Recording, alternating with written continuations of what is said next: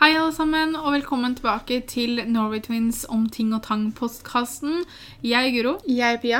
og i dag så skal vi snakke om pride. Det er jo pride-måned nå i juni, og jeg og Pia er veldig opptatt av dette med at alle skal få lov til å være akkurat den de er, og at man skal elske den man elsker, og få lov til det, da. Så derfor så hadde vi lyst til å ha en podkast om eh, pride, og snakke om eh, hele emnet, egentlig. Vi har spurt dere om hjelp til temaer dere har lyst til at vi skal ta opp. Dere har kommet med noen spørsmål. Vi har også spurt om erfaringene til noen av dere Eller om det var noen av dere som hadde lyst til å dele med oss erfaringene om det å være lesbisk eller homofil i Norge i dag.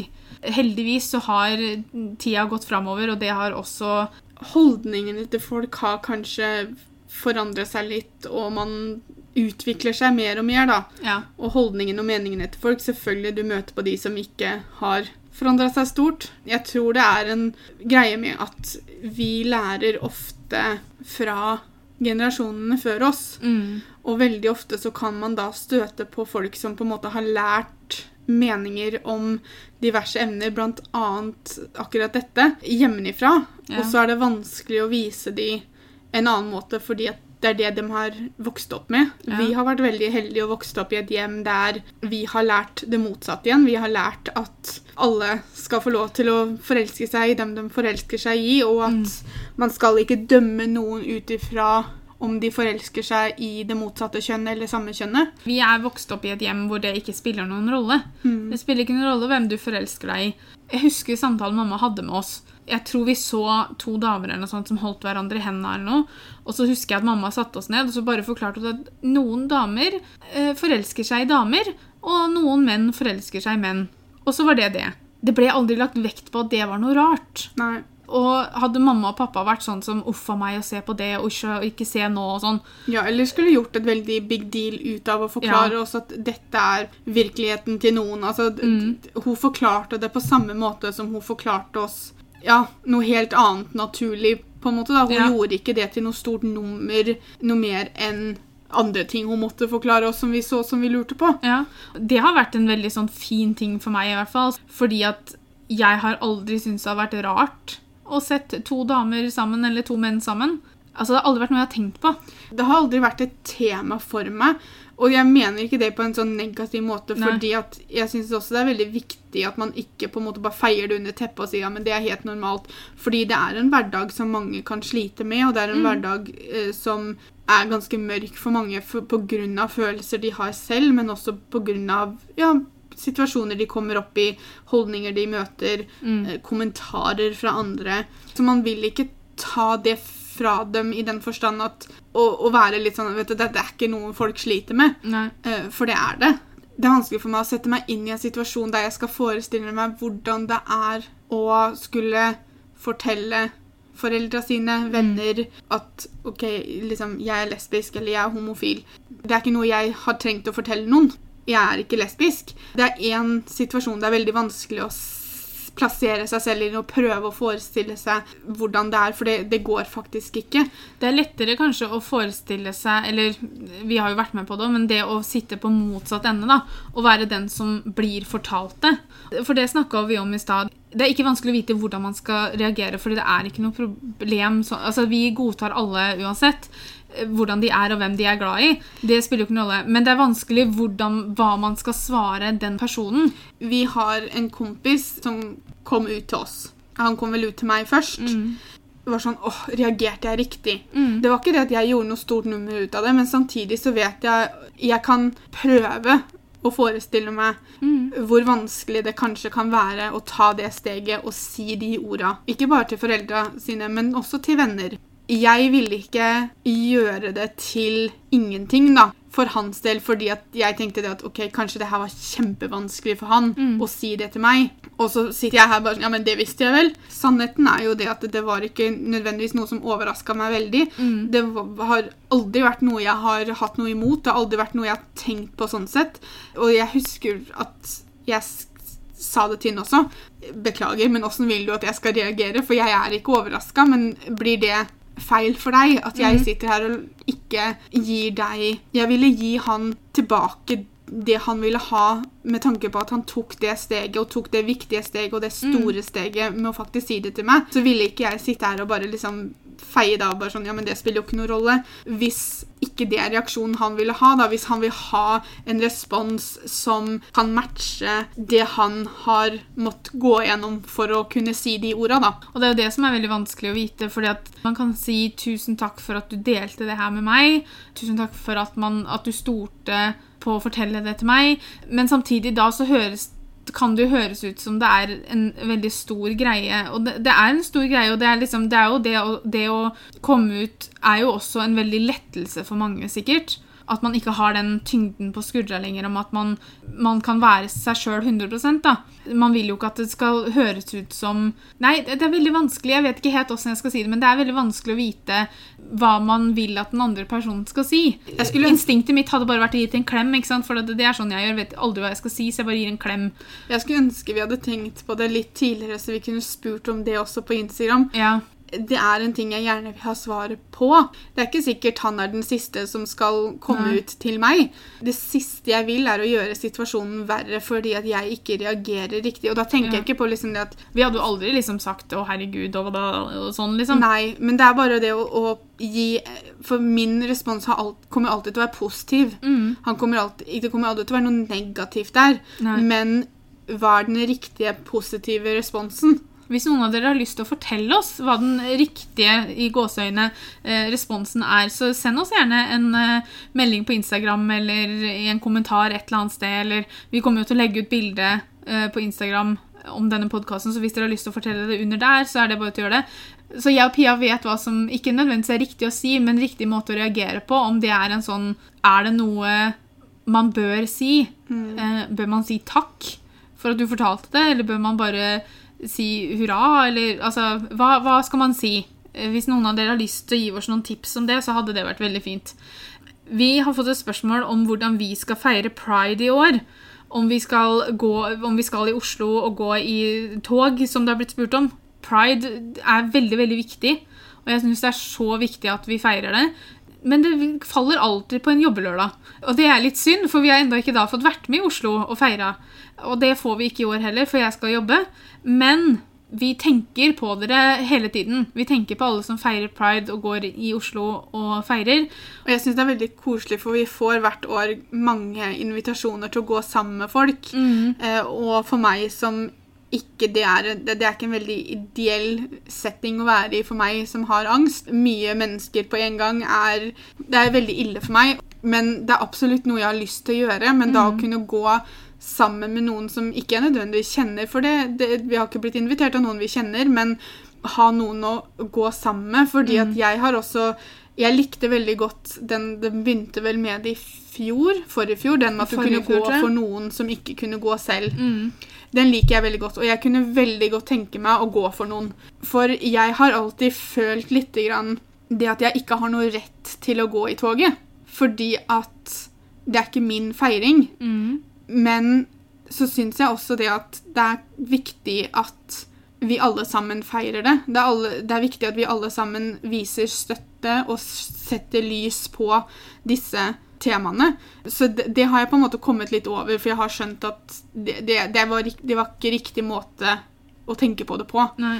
Men så, så absolutt, vi har lyst til å få gått i Pride-tog Mm. eh, en gang. Vi håper at vi skal få det til neste år Ja.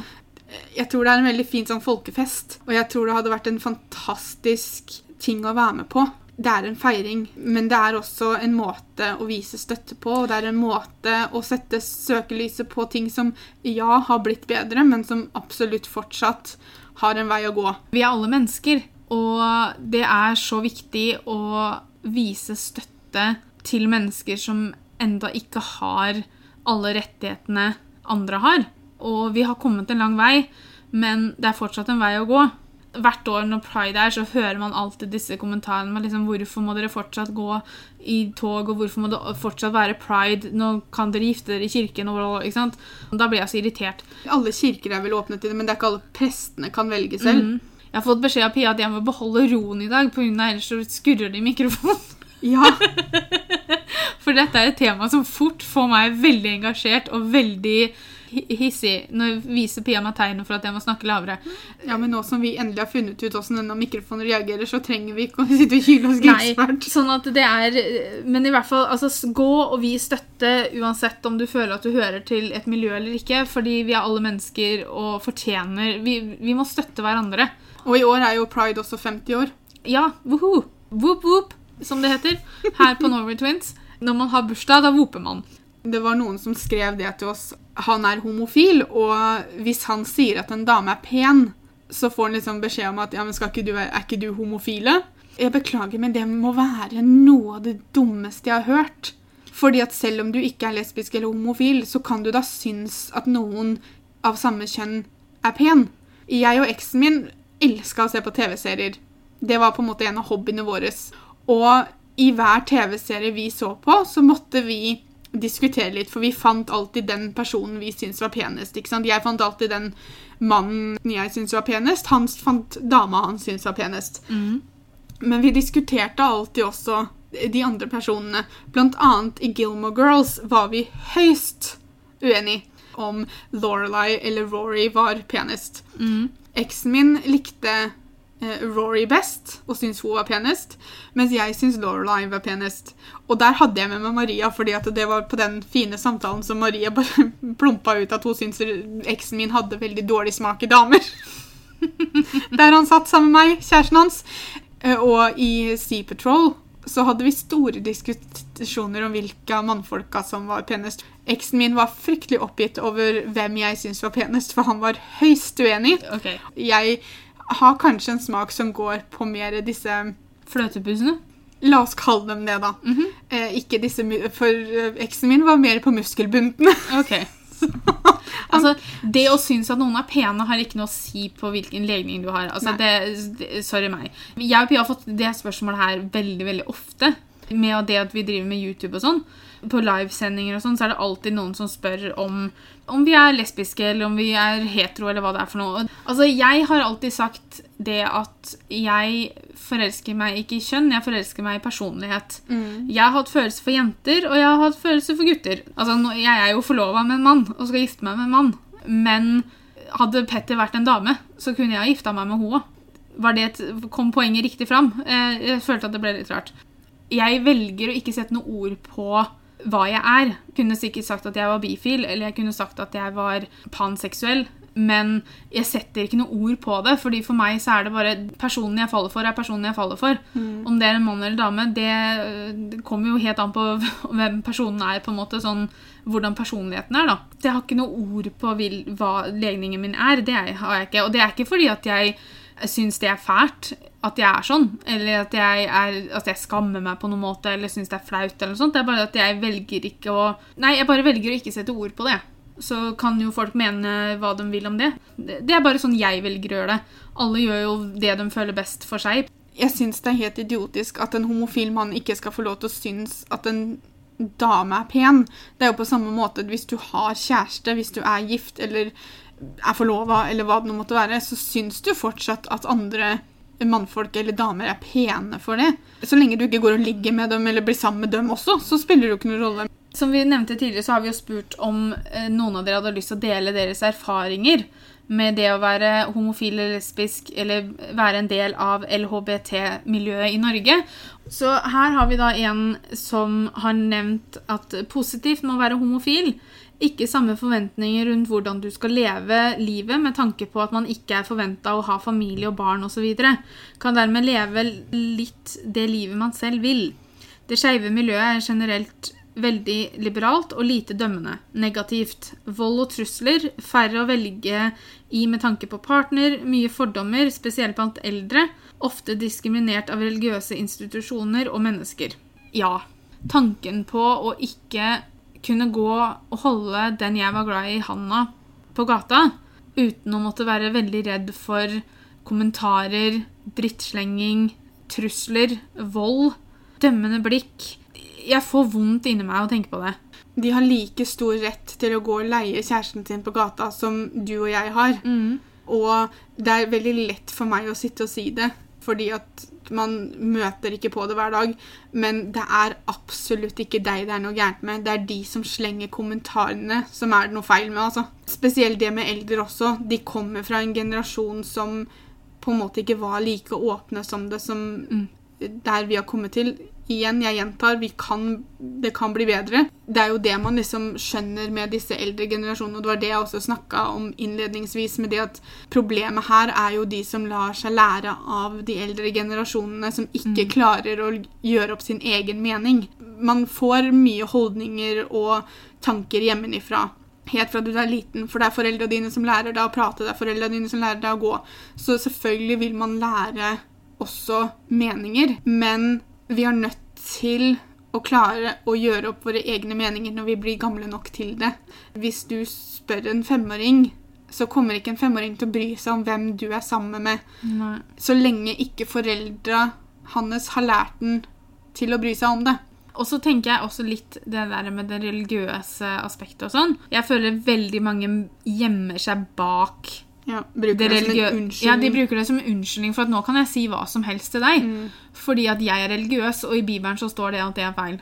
Jeg mener for så vidt ikke å fornærme noen når jeg sier det her. Men skal du skylde på Bibelen, og skal du, si, skal du gjemme deg bak det religiøse og si det at det står i Bibelen at det er feil Hvis du skal gjemme deg bak det og si at ifølge Bibelen så er det feil, og vi må leve etter Bibelen, da er det mye du må gjøre. Da må du steine dattera di hvis hun går med kort skjørt, eller hva det er for noe, og du må drepe naboen hvis han går over tomta di. Altså, det, Det er, er, veldig sånn, sånne det er selektivt hva de mener å Ja. bruke fra Bibelen og ikke.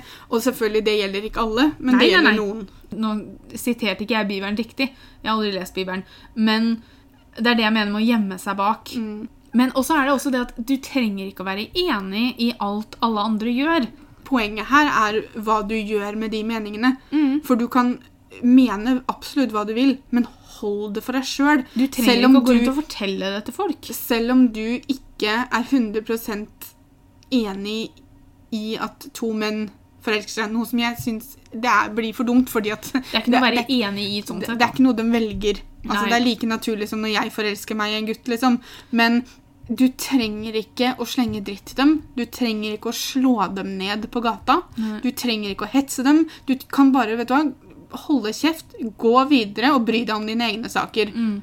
Vi lever nå i en verden hvor folk er allergiske mot å holde meningene sine for seg sjøl. Sier vi altså- som driver podkast, da. Men altså, ja, men, mener. men altså, det er en helt annen ting. Vi flyr ikke rundt på gata og slår ned folk fordi de er uenige med oss.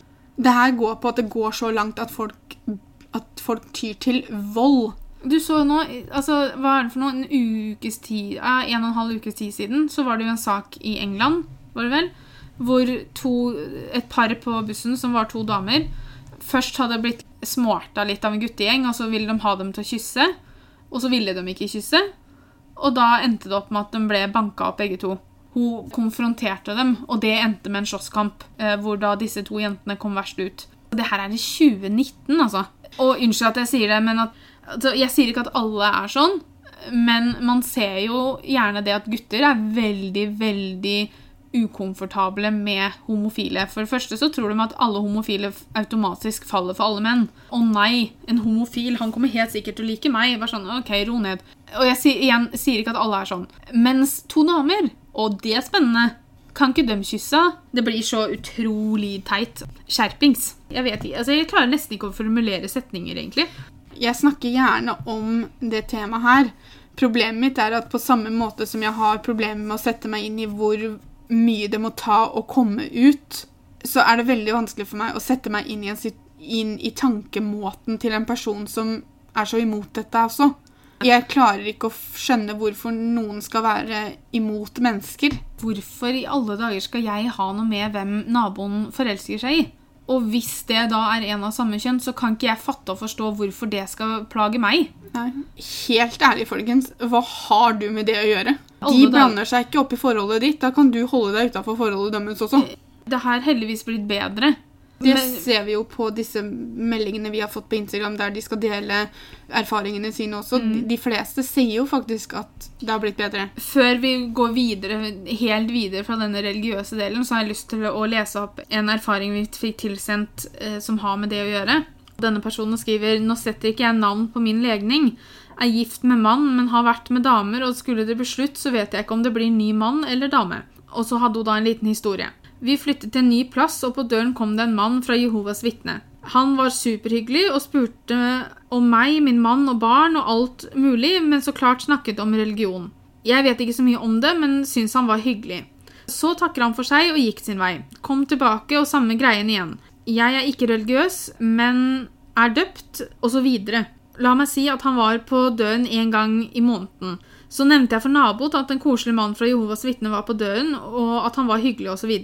Så, sier naboen du vet at de er imot homofile, ikke sant? Jeg bare nei. Og så tenkte jeg ikke mer på det, men så kom mannen på døren igjen. Og var like koselig og hyggelig, men så sier jeg du er fra Jehovas vitne, ikke sant? Måtte dobbeltsjekke før jeg sa noe mer. Så sier han ja, stemmer det. Dere liker ikke homofile, stemmer det? Så sier han stemmer det, ja. Og så snakka han om hvor sterk troen hans var og sånne ting. Så sier jeg at jeg er bifil og har vært med damer, og da var forholdet vårt borte. Den koselige gamle mannen så på meg som om jeg var giftig. Aldri følt meg så ekkel. Han bare gikk lenger og lenger vekk fra meg, og han var ikke stygg, men han sa at regler var som regler er, osv. Men hadde dere sett fjeset hans og måten han bare gikk bakover på, som om jeg hadde en dødelig smittsom sykdom. Så så han ha det og noe om regler, og gikk. Og etter det kom han aldri tilbake. Altså i 2019. Helt greit, alle religioner er forskjellige, men, men syns at man skal behandle mennesker som mennesker, om man er uenig eller enig. Det her er et klassisk eksempel på det jeg mener. Altså, Denne personen hadde jo ikke vært noe annet enn hyggelig og snill, og så skal denne mannen da plutselig nesten omtrent bli redd for henne. Det er jo ingenting om henne som har forandra seg bare fordi at han får vite at hun er bifil. Hun blir ikke mer slem, hun blir ikke en morder. Hun blir ikke noen ting annet enn det hun har vært hele tiden ellers han har snakka med henne. Så det skal ikke ha noe å si. Sånn som Jehovas vitne, som går rundt fra dør til dør. Mm. De oppsøker jo deg. Og når du gjør det, så du kan jo møte på alle slags mennesker. Korte mennesker, lange mennesker, store mennesker, små mennesker. Altså, du møter et hav av forskjellige mennesker. Så lenge du oppsøker dem, så tenker jeg at da må du fader meg klare å oppføre det. Kanskje ikke det her var personen da du ville ha med videre til himmelriket, eller åssen det funker, men, men, du trenger ikke å skygge banen som om personen er smittsom eller er giftig. Gjør noe ferdig samtalen, og så takker du for deg, og så kommer du bare ikke tilbake dit, men behandle personen med respekt allikevel. Alle skal respekteres, det spiller ikke noen rolle. Jeg dømmer aldri personer før det gir meg en grunn til å dømme dem respekterer mennesker fram til de gir meg en grunn til å ikke respektere dem. Og er det noen jeg ikke liker, så bare så unngår jeg dem. Det er ikke vanskeligere enn det. Og jeg, Da flyr jo ikke jeg rundt og kommenterer og slenger dritt og ordner og styrer med denne personen. da. Jeg likte det du fortalte fra når dere hadde vært i det kirkemøtet. Eller var det på den Facebook-gruppa du fikk vite det? De som skulle gifte seg, som nekta å ha en prest som ikke ville vie ja. homofile og lesbiske par, selv om de ikke var et homofilt eller lesbisk par, men de ville ha en prest som aksepterte alle. Det er for noen som har skrevet på bryllupsgruppa på Facebook. Ja, den likte jeg. Mm. For vi har ikke fått prest ennå. Mm. Så jeg kommer til å spørre om det. Mm. For jeg er interessert i å bli via av en som jeg vet at aksepterer alle. Og som tror på kjærlighet. Ja, og kjærlighet er for alle. Vi har fått en erfaring til. Jeg kan gjerne dele med dere. Jeg kom ut av skapet som 14-åring for 15 år siden opplevde ofte trusler og slengbemerkninger på den tiden. Det var en tid det fortsatt var farlig å være synlig homofil. Nå er livet heldigvis annerledes. Giftet meg med mannen i mitt liv. Nå feirer til og med store selskap det å være homofil. Jeg er glad for utviklingen og skulle ønske jeg vokste opp i en tid hvor det var så allmenn akseptert som det er nå.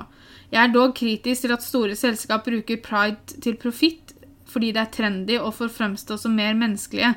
Takk for at dere har en podkast om pride. Jeg er veldig enig i det. Det er helt greit at firmaer og bedrifter og sånn selger pride-ting. Og Hvis du ser på Facebook og Instagram, og sånn, så er det veldig mange bedrifter og så firmaer nå, sånn, som har profilbilde mm, med regnbueflagget. Veldig greit. Men skal du gjøre det nå i juni fordi det er pride, så må du også være veldig nøye med å vise det at du støtter LHBT ellers også. Det kan ikke bare være én måned i året. Da blir det bare for profitt fordi du vet at nå selger det. Fordi nå er vi inne i en måned som man skal feire med regnbuen og, og sånne ting. Der er jeg veldig enig. Vi fikk jo et spørsmål. Hva var spørsmålet? Hvordan det var å være Homofil og lesbisk på vår tid. Og Guro syns ikke vi var gamle nok til å bli kalt Eller til å ha noe som var på vår tid. Men jeg skjønner spørsmålet. Det er som denne personen også sa, at det er faktisk en ganske stor forskjell fra når vi var små, til nå. Første gangen jeg husker på en måte å ha bitt tak i noe som har med homofile å gjøre, var på videregående. Mm. Ikke på en negativ måte, men det var, jeg bare husker at det, det, det var en situasjon på videregående der det blei veldig mye snakk om det på skolen. Og det er første gangen jeg har et klart minne av at det var en ting. Ungdomsskolen? Absolutt ikke. Da var det mer eh, Det var så mye annet de var så fokusert på. På hvem som hadde de riktige klærne, og hvem som var populære og sånn, så jeg vet ikke om de hadde tid til det. Altså, det er nok ikke å komme bort fra det at det er nok lettere nå enn da. Tidene har forandra seg, helt klart. Men jeg tror også det at du blir selvfølgelig mer involvert når dette er noe du går gjennom selv. Eller bestevennen din går gjennom, eller et familiemedlem. Så, så tror jeg det blir mer fokus på det, fordi at det var bare ikke det når vi var små. Og samtidig så tror jeg også det at det kan godt hende det har vært det, men vi fikk det ikke med oss fordi at det var ikke noe vi så på som unormalt, eller no, vi- det var ikke noe vi så på som noe som skilte seg ut. Nei. Og derfor er det ikke sikkert vi har tenkt på det. Selvfølgelig, vi har hørt om folk vi gikk på ungdomsskolen sammen med som har kommet ut som homofil eh, senere. Mm. Det var noe jeg ble fortalt, for det var ikke noe jeg tenkte på. Jeg går litt tilbake til det der riktige responsen når noen kommer ut, for jeg vil ikke at det skal høres ut som jeg at ikke jeg bryr meg fordi at det er ikke noe jeg tenker på. Det er ikke det jeg mener når jeg sier at ikke jeg tenker på det. Så mener jeg ikke det at ikke jeg bryr meg. Jeg mener det at det, det er ikke noe som i mitt hode skiller seg ut, for jeg syns de skal få lov til å ha helt vanlig liv, de også. Dømmes kjærlighet og dømmes forhold bør ikke bli satt noe mer lys på enn et heterofilt forhold. Nei. Men for å si det sånn, da. Er det noen som kommer ut til deg, om de er homofil, lesbisk, trans, hva det nå enn måtte være Det er visse ting man ikke sier. For eksempel, det er bare en fase. Legg den død med en gang. Det sier man aldri.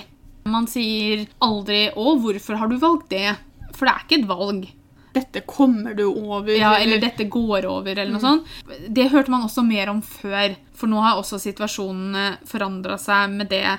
Men det at foreldre ofte ble bekymra pga. barnebarn Sønnen min er homofil, jeg kommer ikke til å bli farmor. Sorry, men det her handler ikke om deg, altså. Jeg tror nok det kan være en litt naturlig reaksjon. Jeg kan skjønne hvorfor en foreldre kan bli bekymra, fordi du vet at barnet ditt ikke kommer til å ha det like lett som om hvis det skulle vært hetero. Jeg skjønner at det kan være en tanke som kommer fordi du bekymrer deg for barnet ditt. Det bør ikke nødvendigvis være en negativ måte å Nei tenke da, men på. man trenger ikke å si det, liksom. Jeg syns det kommer litt an på alderen til barnet ditt. For veldig mange vet det fra de er veldig unge. Og det går ikke nødvendigvis på det å skremme dem, men det går på å forberede dem. At hvis tiåringen din kommer ut til deg, Jo, men så går det an å ha en samtale om det. Jeg sier ikke det at du skal liksom Å, nå kommer livet ditt til å være dritt. Nei, men, Men- jeg tenker at det med bestemor og farmor sånn bør ikke være en del av den samtalen. Nei, men det var ikke det jeg snakka om nå. Jeg Nei, for det er om det jeg sitter og snakker om. Ja, jeg snakker om det med beky at bekymringene Ja, ja. kommer for at livet ditt kan bli mer vanskelig eller komplisert, eller Jo, hva du har lyst til å kalle det. da. Det kan du gjerne ha en samtale om. Ja.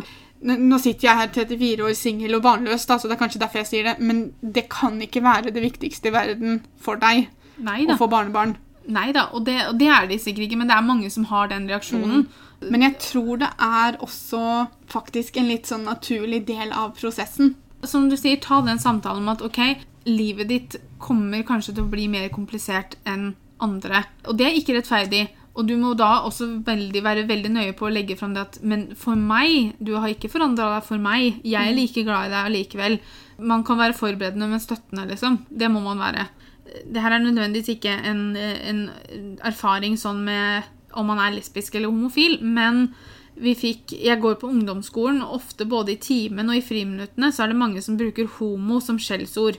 Jeg vet at dette ikke er noe nytt, men ofte går det veldig langt. Jeg blir ofte veldig sint når jeg hører det, og har ofte lyst til å si ifra, men tør ikke, siden det virker ikke som det hjelper. Jeg tenker at det kan jo faktisk være noen, både jenter og gutter overalt, som er usikre på om de liker personer av samme kjønn, og da er livredde for å fortelle det til noen fordi de er redde for å bli mobba, eller for at de blir veldig lei seg hver gang de hører det. Hva er deres tanker rundt dette? Gisle lagde jo et veldig fint program for NRK som het Jævla homo, som handla om det at homo har blitt et skjellsord. Jeg syns aldri det er greit. Og jeg syns at man skal si ifra. Når man hører noe som ikke er greit, så skal man si ifra. Om du ikke klarer å si ifra til den personen der og da, så si ifra til en voksen. Mm. Si ifra til læreren din, si ifra til rektor. For du kan ikke bruke det som et skjellsord, for det er ikke noe skjellsord i det hele tatt. Og det, det er som denne personen også skriver, at for de som da går rundt og, og, og har disse følelsene, de skal slippe å høre at noe som faktisk er del av deres identitet, Mm. blir brukt mot noen andre på en negativ måte. Og det er derfor jeg også likte det programmet til Gisle veldig godt. Det var veldig bra. Jeg kjøpte meg jo også genseren. Og jeg skal innrømme at jeg kunne godt tenke meg å bruke den genseren mye, mye mer. Eh, Det er da en collegegenser som det står 'jævla homo' på. Men samtidig så er jeg litt redd for å bruke den. Fordi at jeg er redd for at det skal se ut som jeg bruker det som et skjellsord. Hvis ikke alle er klar over hva den programserien er, da. Hvis ikke de er klar over at det er en programserie som handler om det å gjøre homo til et ikke-skjellsord, og så går jeg rundt med en genser som står 'jævla homo' på, så er jeg redd for at de skal misforstå meg. Og i dag så er vi også det at folk knipser bilder før de spør deg unnskyld, men hvorfor har du det på genseren din? Eh, og de hadde ikke spurt så høflig heller, mest Nei. sannsynligvis. Istedenfor å spørre, istedenfor å ha en dialog med en person som kanskje uttrykker noe du ikke er helt enig i, eller som du er redd for at du har misforstått, Ja. så er det liksom den der Man knipser et bilde, og så legger man ut en lang post på, på Facebook om at liksom Å, herregud, folk er teite. Det er kanskje en rar ting av meg å være redd for også, men det er ikke det at jeg er redd for å bli tatt for å være homofil eller lesbisk. Nå blir jeg kanskje ikke tatt for å være homofil, da. Men det går bare på det at jeg har ikke lyst til at folk skal tro at jeg syns det er noe negativt. Du er redd for hva slags bilde det skal sende eh, en homofil og en lesbisk som ser deg. Ja. Det å være homofob, det å nesten være redd for homofile og lesbiske, og det å ha en veldig mye negative følelser mot LHBT-miljøet, er Altså, jeg takler det ikke. Jeg kunne ikke vært venner med noen som hadde disse følelsene. Vil helst ikke høre eller se noe som har med det å gjøre, at jeg blir så irritert, jeg blir så sinna, rett og slett. Akkurat det tror jeg faktisk hadde vært en deal-breaker for meg når det gjelder kjæreste òg. Helt klart. Altså, rasisme og det å være homofob, da, det er to deal-breakers. Null og niks. Takler dere ikke. Da kan du dra et annet sted. Her er det en som ikke trenger å være anonym. Han heter Adrian. Det positive med å være homofil er at man er en del av et fellesskap på en måte med folk som er i samme situasjon. Pluss i tillegg er jeg utrolig takknemlig for å bo i et land hvor man kan være den man vil. Noen negativ, negative ting er at folk har dannet seg et inntrykk av deg uten å ha møtt deg. Dette kan skyldes den stereotypiske homoen som enkelte har dannet seg. Noen har lett for å ta alle homofile under én kam. En annen ting jeg syns er litt negativt ved å være homo, er hvis jeg f.eks. sier 'Å, den jenta var søt', eller noe lignende, kan folk kommentere 'Er ikke du homo, da?' Man blir litt satt i bås. Ja, det var han jeg snakka om i stad. Ja, altså det fellesskapet som jeg tror Som man ser under pride, da, er jo fantastisk. Det er jo derfor jeg har lyst til å være en del av det fellesskapet. fordi at selv om ikke jeg nødvendigvis Ok, jeg har ikke lyst til å være en del av fellesskapet, for jeg skal ikke ta en plass som ikke jeg har fortjent, på en måte, men jeg har lyst til å vise støtte til fellesskapet, da. Er vel kanskje måten, det jeg prøver å si. Ja, og, og så er det jo liksom sånn, ikke sant? Altså På filmer, for eksempel, så har du The Gay Best Friend, som alltid er Og hvis, hvis dere lurer på hva vi mener, se filmen Isn't It Romantic. Den ligger på Netflix. Det er med Rebel Wilson. Hun slår hodet, så hun eh, liksom blir tatt inn i en romantisk komedie. Og der har de da en gay, gay best friend som oppfører seg som alle andre gay best friender i alle slags romantiske komedier. Det er alltid én type, ikke sant? Og så har du som regel de homofile på TV og film og sånn er veldig feminine. Mm. er veldig sånn Hello! Noen er sånn, det er helt greit. Andre er ikke sånn. Det er helt, greit. altså, du kan ikke gå rundt og peke ut alle som er homofile eller lesbiske. Du har jo hørt folk som sier han kan ikke være homofil for han er for maskulin. dummeste jeg hører, er når noen spør et homofilt par Og hvem av dere er dama? Og så bare sånn, Det er ingen av dem som er dama. Det er hele poenget. De vil være sammen med gutter. Går man rundt til lesbiske par og sier 'Hvem av dere er gutten?' Gjør man Kan, det? det kan godt hende man gjør det. Jeg gjør ikke det, men Nei, men altså, herregud, man må slutte. Men det her også tror jeg har noe med det han sier, med det med stereotypical, stereotypiske homofile. ikke sant? Fordi at hvis du ser på homofile par på TV, eksempel, så er det kanskje en som gjerne er mer feminin enn den andre. Det betyr ikke at han er dama i forholdet. Jeg spør ikke spørsmål som jeg ikke har noe mer svaret på. Og la oss nå bare holde de dumme spørsmåla for oss. Jeg vet at det er i mange situasjoner sier men ingen spørsmål er dumme. Men noen spørsmål er dumme. Jeg har også hørt at folk spør homofile par hvem som er nederst, eller hvem som er på bånn. Og så tenker jeg, går du rundt og spør heterofile par om det? Ja, ja, i går satt du på toppen, eller? Altså, du gjør jo ikke det. Du spør jo ikke om sexlivet til folk uansett. Nei, og det er liksom sånn, jeg bare, faen, hva har du med det å gjøre, da? Altså, rull inn, folkens. Rull inn tunga, og slå av hjernen. Hvis det, ting, ja, hvis det er sånne ting du føler at du må spørre om, så tenk om igjen og tenk eh, Nei, det trenger jeg Og det verste er jo at folk spør jo folk de ikke kjenner så godt. Neste meldinga jeg skal lese nå, syns jeg var egentlig veldig interessant. For det er et interessant tema som jeg nødvendigvis ikke hadde tenkt så mye på. Jeg er heterofil, og jeg har mange lesbiske venninner. Og i tillegg heterofile venninner.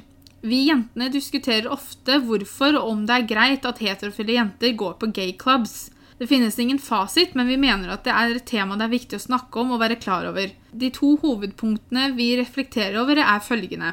1. Lesbiske kvinner som går ut på gayclubs, går ut bl.a. for å flørte og sånn, men opplever, ofte at jenta de legger an på, er heterofil, og at de da blir veldig skamfulle, eller at de heterofile jentene vil bruke, seg, vil bruke dem som på en måte kysse eller et punkt på et bucketlist. 2.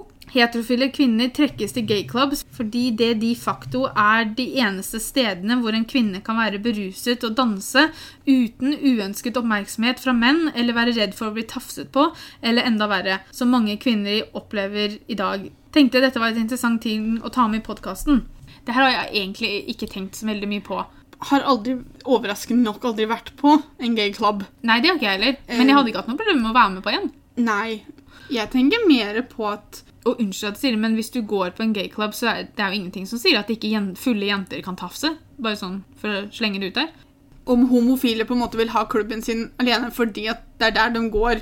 Jeg ser vel for meg at alle er velkomne, men jeg, jeg, det, det, det syns jeg var et vanskelig Ja, det var et spørsmål å svare på. Jeg syns Er det noe jeg kan veldig lite om, så er det uteliv, folkens. Jeg har bare vært på byen én gang i mitt liv. Jeg tenker at jeg hadde ikke hatt noe problem med å være med på en, en gayclub i det hele tatt. Men jeg ville ikke gått på det hvis, det hadde, hvis jeg kunne vært med på å gjort det ukomfortabelt for noen av de som er på den klubben fordi de la oss kalle det, hører hjemme der. da. Hadde, jeg vært på en gayclub og en dame hadde kommet bort til meg og, og lagt an på meg eller flørta med meg, så hadde jeg jo vært Nå så hadde jeg jo vært veldig sånn takk, men, men jeg er i et forhold. Eh, hadde jeg vært singel og, og det var en person som jeg ikke følte at jeg hadde viba med, eksempel, så hadde jeg jo bare sagt takk, det var veldig hyggelig å høre, men, men jeg er ikke interessert. Man kan si ifra på en ordentlig måte selv man ikke, når man ikke er interessert. Uansett. Dette var et vanskelig ting å komme opp med, men det var et veldig mors ikke morsomt, men det var et bra forslag til noe vi kan diskutere. Men uh, dette var tydeligvis veldig vanskelig å komme opp med svar på. Det som hadde vært utrolig spennende og, og morsomt, hadde jo vært å lage en, en podkast til om det her litt senere. Hvor vi da eventuelt kan prøve å få med noen i podkasten som kan også komme med synspunkter fra andre sida. Ja, for det det. Dette er jo et typisk spørsmål som kanskje det er vanskelig for oss å svare på. Dette er også et sånn fint spørsmål hvis dere har lyst til å komme til Instagram-kontoen vår eh, og legge igjen en kommentar eller sende oss en melding om hva man syns om heterofile som går på gay clubs. Vi heter Norwaytins blogg med 1G på Instagram hvis dere har lyst til å følge oss. Vi fikk også noen spørsmål på Facebook som vi hadde lyst til å snakke litt om. Noen som lurte på om vi kunne snakke litt om hvorfor det har blitt sånn at folk føler skam over å fortelle venner og familie at de er bitte litt annerledes enn A4. Hvorfor føler folk at de må være akkurat sånn som alle andre? Det gjelder jo egentlig alt mulig rart, ikke bare om du er en del av LHBT-miljøet. Det er jo generasjonene før oss. Si at jeg skulle kommet ut som lesbisk til mamma og pappa, og det hadde vært et tema rundt middagsbordet flere ganger, hvor de hadde sittet og snakka veldig negativt om det. Det hadde tynga på meg veldig. Og da skulle fortelle dem at jeg er en del av en gruppe mennesker som de har snakka veldig negativt om foran meg. Og Hvis jeg vokste opp med det, da, og høre det at uff, det er feil, uff, det er ekkelt, uff, det er sånn, uff, det er sånn, hadde jo den skammen kommet av at jeg hadde følt at det var noe feil med meg. Holdningen til folk er grunnen til at noen føler skam hvis de skal være litt annerledes. det er veldig veldig mange som ikke har mye rom for det at folk er annerledes. Så får man ikke er A4. er man eh, litt A5 eller A3, så er det veldig mange som blir sånn 'Å, herregud, hva skjer nå?' eller 'uff a meg'. Det, altså, at man blir sett på som feil. Kan jo ikke tenke meg noe verre enn at man skal sitte med en følelse av at man er feil, at det er noe gærent med deg, at ikke du er god nok. Eller riktig nok, da. Og det må jo være en forferdelig følelse. Spesielt når det gjelder hvis det er på en måte dine nærmeste, da, familie og venner, som sitter med holdningen av at du er feil. Jeg klarer ikke å forestille meg det engang. Hvorfor forventer man at folk skal, skal reagere negativt når man kommer med en sånn erkjennelse om seg selv? Det er jo det samme spørsmålet, på en måte, da. Ja, for altså, det er jo holdningen til folk. Jeg, og så vet jeg også det at erfaringsmessig da, så leser man oftere om de negative tinga enn de positive tinga. Eksempel hvis du går på nettet og søker på hvordan andre har kommet ut, eller hvordan det har gått, så er det nok lettere å finne de negative historiene enn de positive.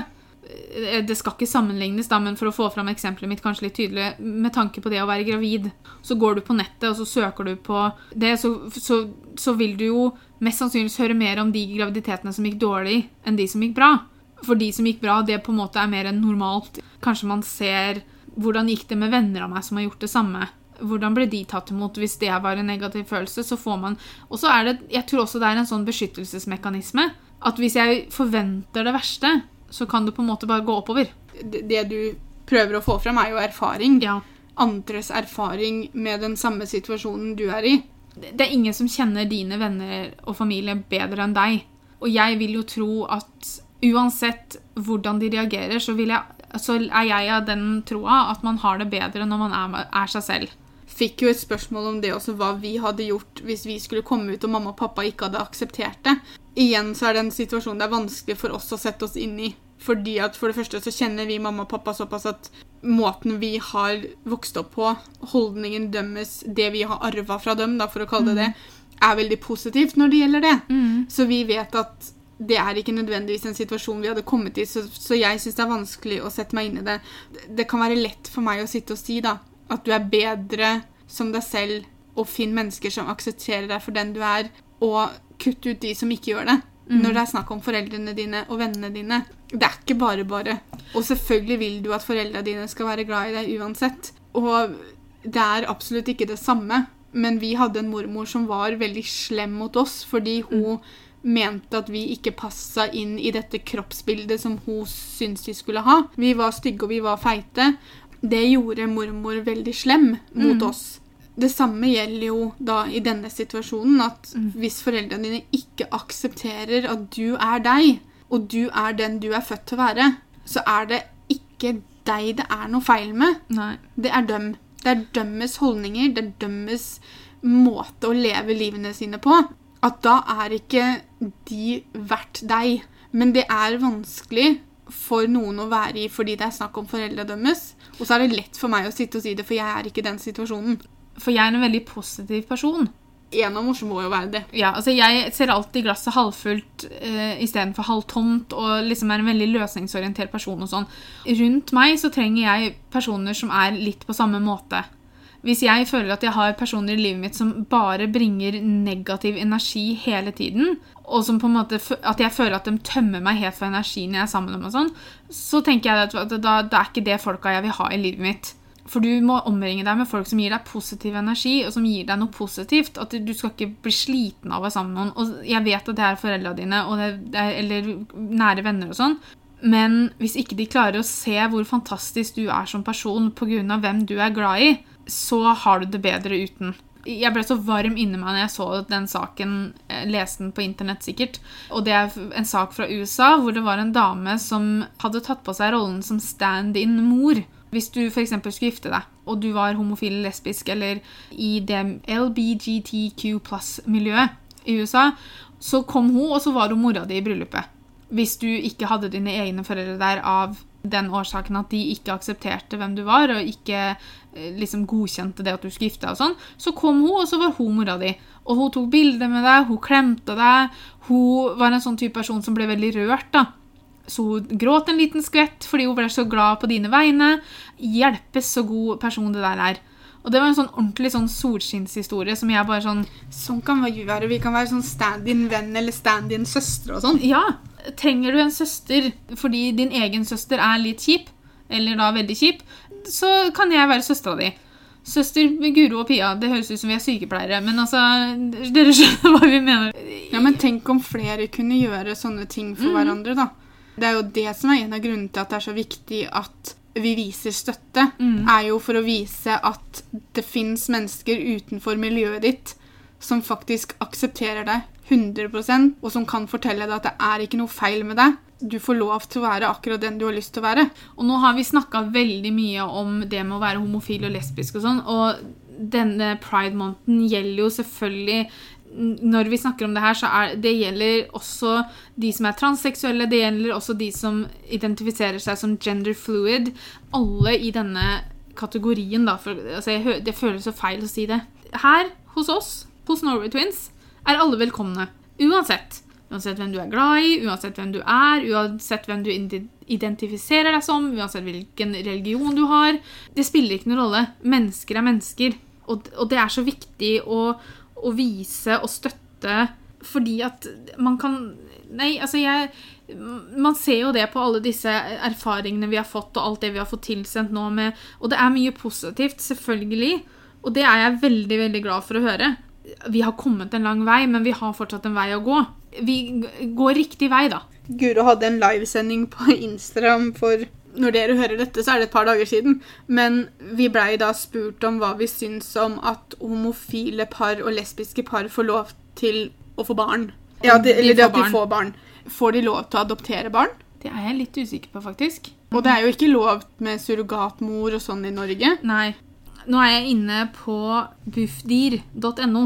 Og fra 1.1.2009 har lesbiske og homofile par samme rett til å inngå ekteskap som heterofile par. Dette er jo veldig bra. Adopsjon. Lesbiske og homofile kan som hovedregel adoptere på lik linje med heterofile, både som enslige, ektefeller og samboere. Det gjelder ett unntak fra denne regelen. I tilfeller hvor barnet har kommet til Norge ved internasjonal adopsjon og barnets opprinnelsesland ikke tillater adopsjon til likekjønnede, kan barnet ikke stebarnsadopteres av foreldrenes likekjønnede samboer, registrerte partner eller ektefelle. Likekjønnedes rett til å adoptere barn fra utlandet har av noen blitt de definert som en papirrettighet. I mange land er holdningen til homofili en helt annen enn den som ligger til grunn for norske, det norske lovverket, og få land aksepterer adopsjonssøknader fra lesbiske og homofile. Ok, Så det kommer an på landet du skal adoptere fra, da, ikke nødvendigvis Norge? For at vi skal svare på spørsmålet, da. Om du er mann, mann, dame, dame eller mann, dame, så kommer du til å være så glad i den ungen, og det er det som er viktigst. Hvorfor skal de ikke få lov til å være foreldre? Og jeg vet at igjen så har du visse meninger og holdninger som folk gjemmer seg litt bak, med det at de mener det at et barn må ha et eh, kvinnelig og et mannlig eh, rollemodell å se etter, eller hva man skal kalle det. Det igjen blir det dummeste jeg har hørt. Fordi at hva skjer da med de som er aleneforeldre? Selvfølgelig, ja, det er noen som er skilt, så derfor så er man aleneforeldre liksom en uke der, en uke her. Men du har også de som der fedrene eller mødrene ikke er i bildet i det hele tatt. Og det er derfor du har familie, det er derfor du har venner. Jeg har snakka, ikke nødvendigvis på podkasten, men jeg har jo hatt samtaler om dette fordi jeg nå er 34 år og singel. Så er jo folk nysgjerrig på om jeg ikke skal ha barn, og liksom Skal du ikke finne deg noen, da? Og så blir jeg liksom sånn Ja, men jeg kan ikke bare gå og finne meg noen, for noen må finne meg òg. Noen har en sånn holdning om at hvorfor får du deg ikke kjæreste? Det er ikke bare for meg å få meg kjæreste. Jeg, jeg vil gjerne ha en frivillig kjæreste. Jeg skal ikke tvinge noen til å være sammen med meg. Av at jeg nå er 34 år, så, så skal folk liksom Ja, men hva med barn, da? Og så er det noen som er veldig imot at folk gjør det alene. Ja. Nå er jo ikke det lov i Norge, Nei. men folk har sterke meninger om det også. Og mener liksom det at ja, men du kan ikke finne på å gjøre det alene. For, for det første så er det selvfølgelig det er slitsomt, men eh, fortjener ikke barnet ditt en pappa, da? Ok, greit. Ungen min hadde kanskje ikke hatt en pappa. Men jeg er omringa av så mange fantastiske mannfolk at min unge hadde ikke mangla noen å gå til hvis det var noe de ikke ville snakke med meg om, da. Det er så mange rare unnskyldninger for at det, ikke skal, at det liksom ikke er greit. gåseøyne. Jeg sier ikke at de skal hjelpe deg å oppdra ungen din, men du har folk i livet ditt som kommer til å være en så stor del av barnet ditt sitt liv. Og jeg tror ikke det at det er noe som på en måte bare en mann kan lære deg, eller at det er noe bare en kvinne Nei, kan lære deg. Og unnskyld sier, men ba, til og med bare om du hadde vokst opp bare rundt mannfolk, så blir det Det vil ikke si at det ikke gjør deg til et bra menneske. Folk har, kommer opp med sånne dumme, rare unnskyldninger om hvorfor det ikke skal være greit, og hvorfor det er så farlig og skummelt og sånn. Jeg bare øh, Ta dere en bolle, hele gjengen.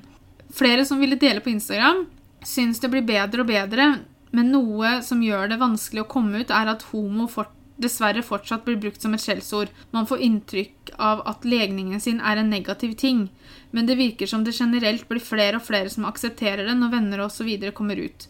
Men jeg kjenner fortsatt på det når jeg og typen går ute på gata offentlig og holder hender. Så er det innimellom folk som slenger med leppa. Så man føler seg ikke helt trygg når man viser kjærlighet offentlig som homofil, selv om det bare er et lite kyss på kinnet. Menn har generelt inntrykk av at de som ikke er homofobe, er, del av, er den del av befolkningen som er smarte oppegående mennesker. Så det er positivt. Det er helt sant. Igjen, mm -hmm. hvis det er noen som ikke syns du skal gå og holde kjæresten din er Hanna, så er det de det er noe feil med, ikke deg og ikke mm. kjæresten din. Da er det dem som har problemer de bør jobbe med, ikke ja. du. Kyss hverandre på kinnet, kyss hverandre på munnen, hold hender, sitt i armkroken. Jeg skjønner at det er veldig lett for meg å si det, fordi at når jeg gjør det med min kjæreste, så får ikke jeg trusler om vold, men andre mennesker må bare skjønne hvor normalt det faktisk er. Det er et kjæresteforhold. I mm. kjæresteforhold så holder man hverandre i hendene, og man kysser hverandre på kinnet eller man kysser hverandre på munnen. Igjen tilbake til det vi snakka om i stad. at Hva har det med andre mennesker å gjøre? Hvorfor skal, de, hvorfor skal, andre legge seg opp i forholdet til noen uansett hva de syns? Altså, Hold kjeft og gå et annet sted, da. Og Unnskyld at jeg sier at, at to menn eller to damer kysser hverandre på kinnet. Du ser ofte eh, heterofile par som ser ut som de skal sluke hverandre på åpen gate. Mm -hmm. Så ingen av som tror dømmer vold. da. Skjerpings igjen. Vi har enda en uh, erfaring, og denne her syns jeg var litt interessant. Jeg er homofil og kom ut i den lille hjembyen min for to år siden. I små byer, tettsteder, føler jeg det er litt vanskeligere da ting sprer seg som ild i tørt gress. Derfor bestemte jeg meg for å først si det til mine nærmeste, for så å publisere et bilde på Instagram til følgerne mine. Dette er for ikke å hele tiden å lure på om folk vet det eller ikke. Merka da at det var godt jeg levde i 2017. Fikk utrolig god respons fra både venner og familie. Alt var akkurat som før, egentlig, bortsett fra at jeg hadde fått ut noe som lettet hverdagen min betraktelig. Jeg har valgt å ikke fortelle det til noen av besteforeldrene mine, da jeg tror beskjeden ikke hadde blitt særlig godt mottatt, dessverre. Så akkurat derfor merker jeg at det å leve i dagens samfunn er bra. Er selvfølgelig også forbedringer vi kan gjøre. Spilte fotball da jeg kom ut, og enkelte på fotballaget ville ikke ha meg i samme dusj. Forklarte tydelig at jeg ikke var forelsket i dem. Mange heterofile gutter tror nemlig alle homofile gutter liker dem, det har vi snakka om, men var til ingen nytte var nok en av grunnene til at jeg slutta å spille. Ellers har ekstremt mye nysgjerrighet rundt dette kommet fram. Det syns jeg bare er gøy, både fra gutter og jenter. Bor i dag i Oslo, det var veldig deilig, her kan jeg virkelig være meg selv. Har vært litt vanskelig og slitsomt å føle at jeg må komme ut gang på gang. Uansett er dette som regel blitt tatt godt imot. Tore Pettersen uttalte seg tidligere at hom homsemiljøet i Oslo ikke var helt heldig. Alle ligger med alle, og åpne forhold er noe man ser mye til. Dette er jeg helt enig med han i, dessverre. Har derfor ikke hatt masse kontakt med andre homofile, da jeg rett og slett ikke vil blande meg inn i kulturen her. Håper det bedres. Og tror nok den er bedre andre steder. Om alle ligger med alle, det kan ikke vi uttale oss om noen. Det kan jo være deler av miljøet, selvfølgelig, ja. men, det, men, akkurat det finner du i uh, heterofile miljøer òg. Ja. Han har veldig rett i det han sier om besteforeldre. Fordi at det tenkte jeg på i stad når vi snakka om det med mamma og pappa. Mm. Er det at jeg vet ikke nødvendigvis om våre besteforeldre hadde vært like åpne. Nå er vi i en Nei. situasjon der vi har mista både farfar og mormor, mm. så vi har bare bestefar og farmor igjen. Bestefar er nå dement og hadde ikke skjønt hva vi sa til ham uansett. Jeg vil tørre å påstå med hånda på hjertet farmor hadde nok ikke tatt det veldig bra. Jeg vet ikke om hun hadde sagt noe til oss. Nei, hun hadde sagt det til pappa, sikkert. Ja. Men, hun, men hun hadde nok ikke syntes det hadde vært noe. Hun tilhører også den generasjonen som ikke har lært det om det på samme måte som oss. Hun er Og også ikke fra det er en unnskyldning, Nei da. men Og hun er også fra Dalom, eh, sånn at det også er jo litt sånn, ikke sant Bygda, tettsted Det var kanskje ikke, la oss kalle det så vanlig. hun kom jo fra den generasjonen som når pappa gikk fra mamma, så sa jo farmor at hun, hva var vitsen med det? For Etter de- 30 år. Ja, Så bare Ja. Så hun tilhører jo også en generasjon Mm. som mener det at du tydeligvis skal være gift med noen du ikke vil være gift med. De så bare på forskjellige soverom da, skjønner du. Ja, men det var sånn. Ja, De flytta, da flytta de bare ut på hvert sitt soverom, og så ja var det det. men det er jo det jeg mener med at Så jeg syns ikke man skal legge veldig mye i meningen til akkurat disse menneskene. Men jeg tror nok at jeg hadde fortalt det til henne. Ja, men du, du er litt sånn um, Men jeg gjør det litt på trass. Ja, for du er litt sånn utfordrende akkurat der. Ja. Jeg hadde vært såpass sta om det og tenkt at det her er faktisk meg. Og hvis ikke hun kan akseptere det, så får det være hennes problem. Men hun skal vite hvem jeg er, og hun skal vite hvem jeg er 100% Jeg tar og fjerner meg fra folk som gir meg negativ energi. Og det hadde da farmor gjort, og da fram til hun hadde akseptert og godtatt den personen jeg var, så hadde hun bare ikke sett noe til meg. Jeg tror nok jeg hadde gjort sånn som han, Ja. og ikke sagt det. Ja, og det, det er helt greit, det òg. Jeg sier ikke at min måte eller ingen måte. Men det er nok sånn jeg hadde takla det. Bare, men det er som du sier, at jeg er litt sånn trass og litt sånn utfordrende. Så det er bare det som ligger i meg, liksom. Vi har også fått en eh, erfaring fra en som er lesbisk, og det syns jeg var litt eh, Det er morsomt å høre fra begge sider. Jeg vet ikke om morsomt er riktig ord. Jeg vil si at vi er jo i bunn og grunn ganske heldige her i Norge, selv om det er litt trist å måtte kalle seg selv heldig. Tror det verste jeg har vært ut, utfor, er å blitt konfrontert med det at det er en fase, eller at jeg er for pen til å være lesbisk. Hjelp. Eller at gutter kaller meg waste fordi jeg ikke er interessert i gutter. Men jeg vet jo om flere som ikke har hatt en like aksepterende familie som jeg selv har hatt, så jeg er veldig heldig med det.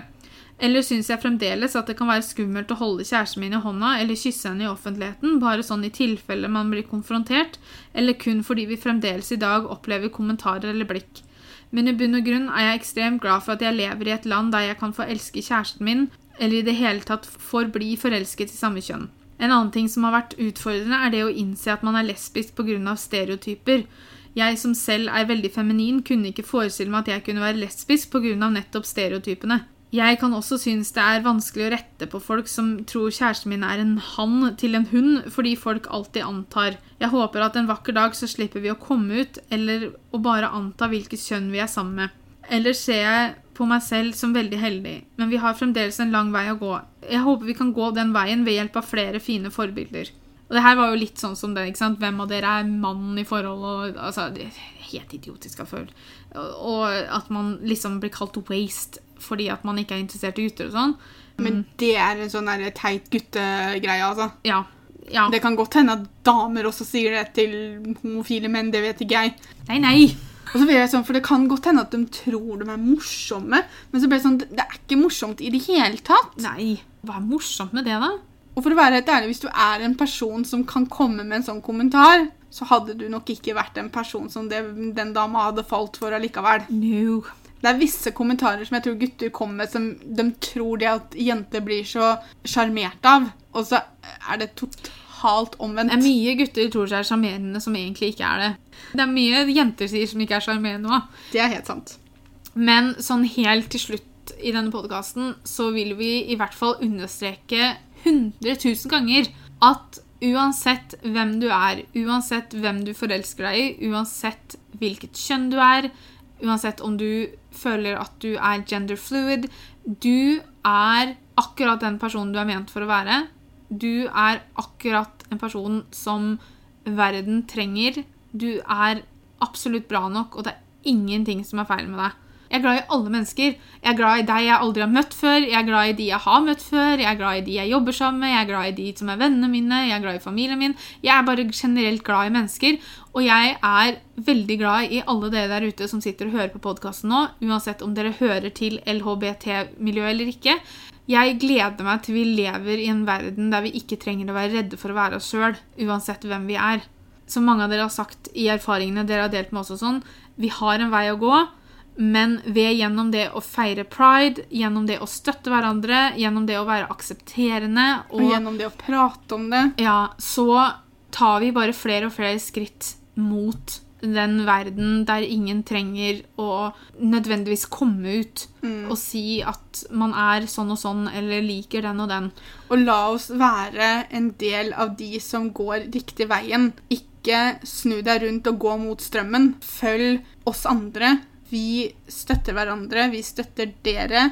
Og jeg syns det her har vært en fin podkast å spille inn. Ja. Jeg har likt temaet. Jeg syns det hadde vært veldig morsomt å kunne spilt inn en oppfølgelse av podkasten en annen gang, og kanskje fått med oss en som er homofil eller lesbisk, eller i hvert fall i LHBT-miljøet. Det er mye vi kan sitte og gi meninga vår om, men det er også veldig mye vi ikke vet nok om. ja. Og vi kan ikke snakke om erfaringer, for det har vi ikke. Og det var derfor vi ville gjerne ha noen erfaringene fra dere. Ja, Og tusen tusen takk til alle som sendte oss eh, erfaringene sine. Det satte vi så pris på. Jeg, jeg forventa kanskje at vi skulle få én eller to, men at vi skulle få så mange, det, det varma hjertet mitt. For det Ja. setter vi så pris på, for det, det hjalp oss mye. Og det, det, vi, selv om vi støtter, så betyr det ikke at vi har lært alt vi skal lære. Nei. Vi har fortsatt masse å lære. På samme måte som vi liker å prate om det, så, så liker vi også å høre. Vi må også si en stor takk til dere som har tilbrakt litt tid sammen med oss i dag. Eh, tusen takk for at dere hørte på. Som Guro nevnte tidligere, så legger vi ut et bilde på Instagram, det er Norway Twins blogg med 1G, til podkasten som dere gjerne kan eh, legge igjen en kommentar på og fortelle deres meninger eller deres erfaringer eller hva dere har lyst til å dele med oss. Vi kommer tilbake med en ny episode på søndag, og så snakkes vi. Ha det! Ha det!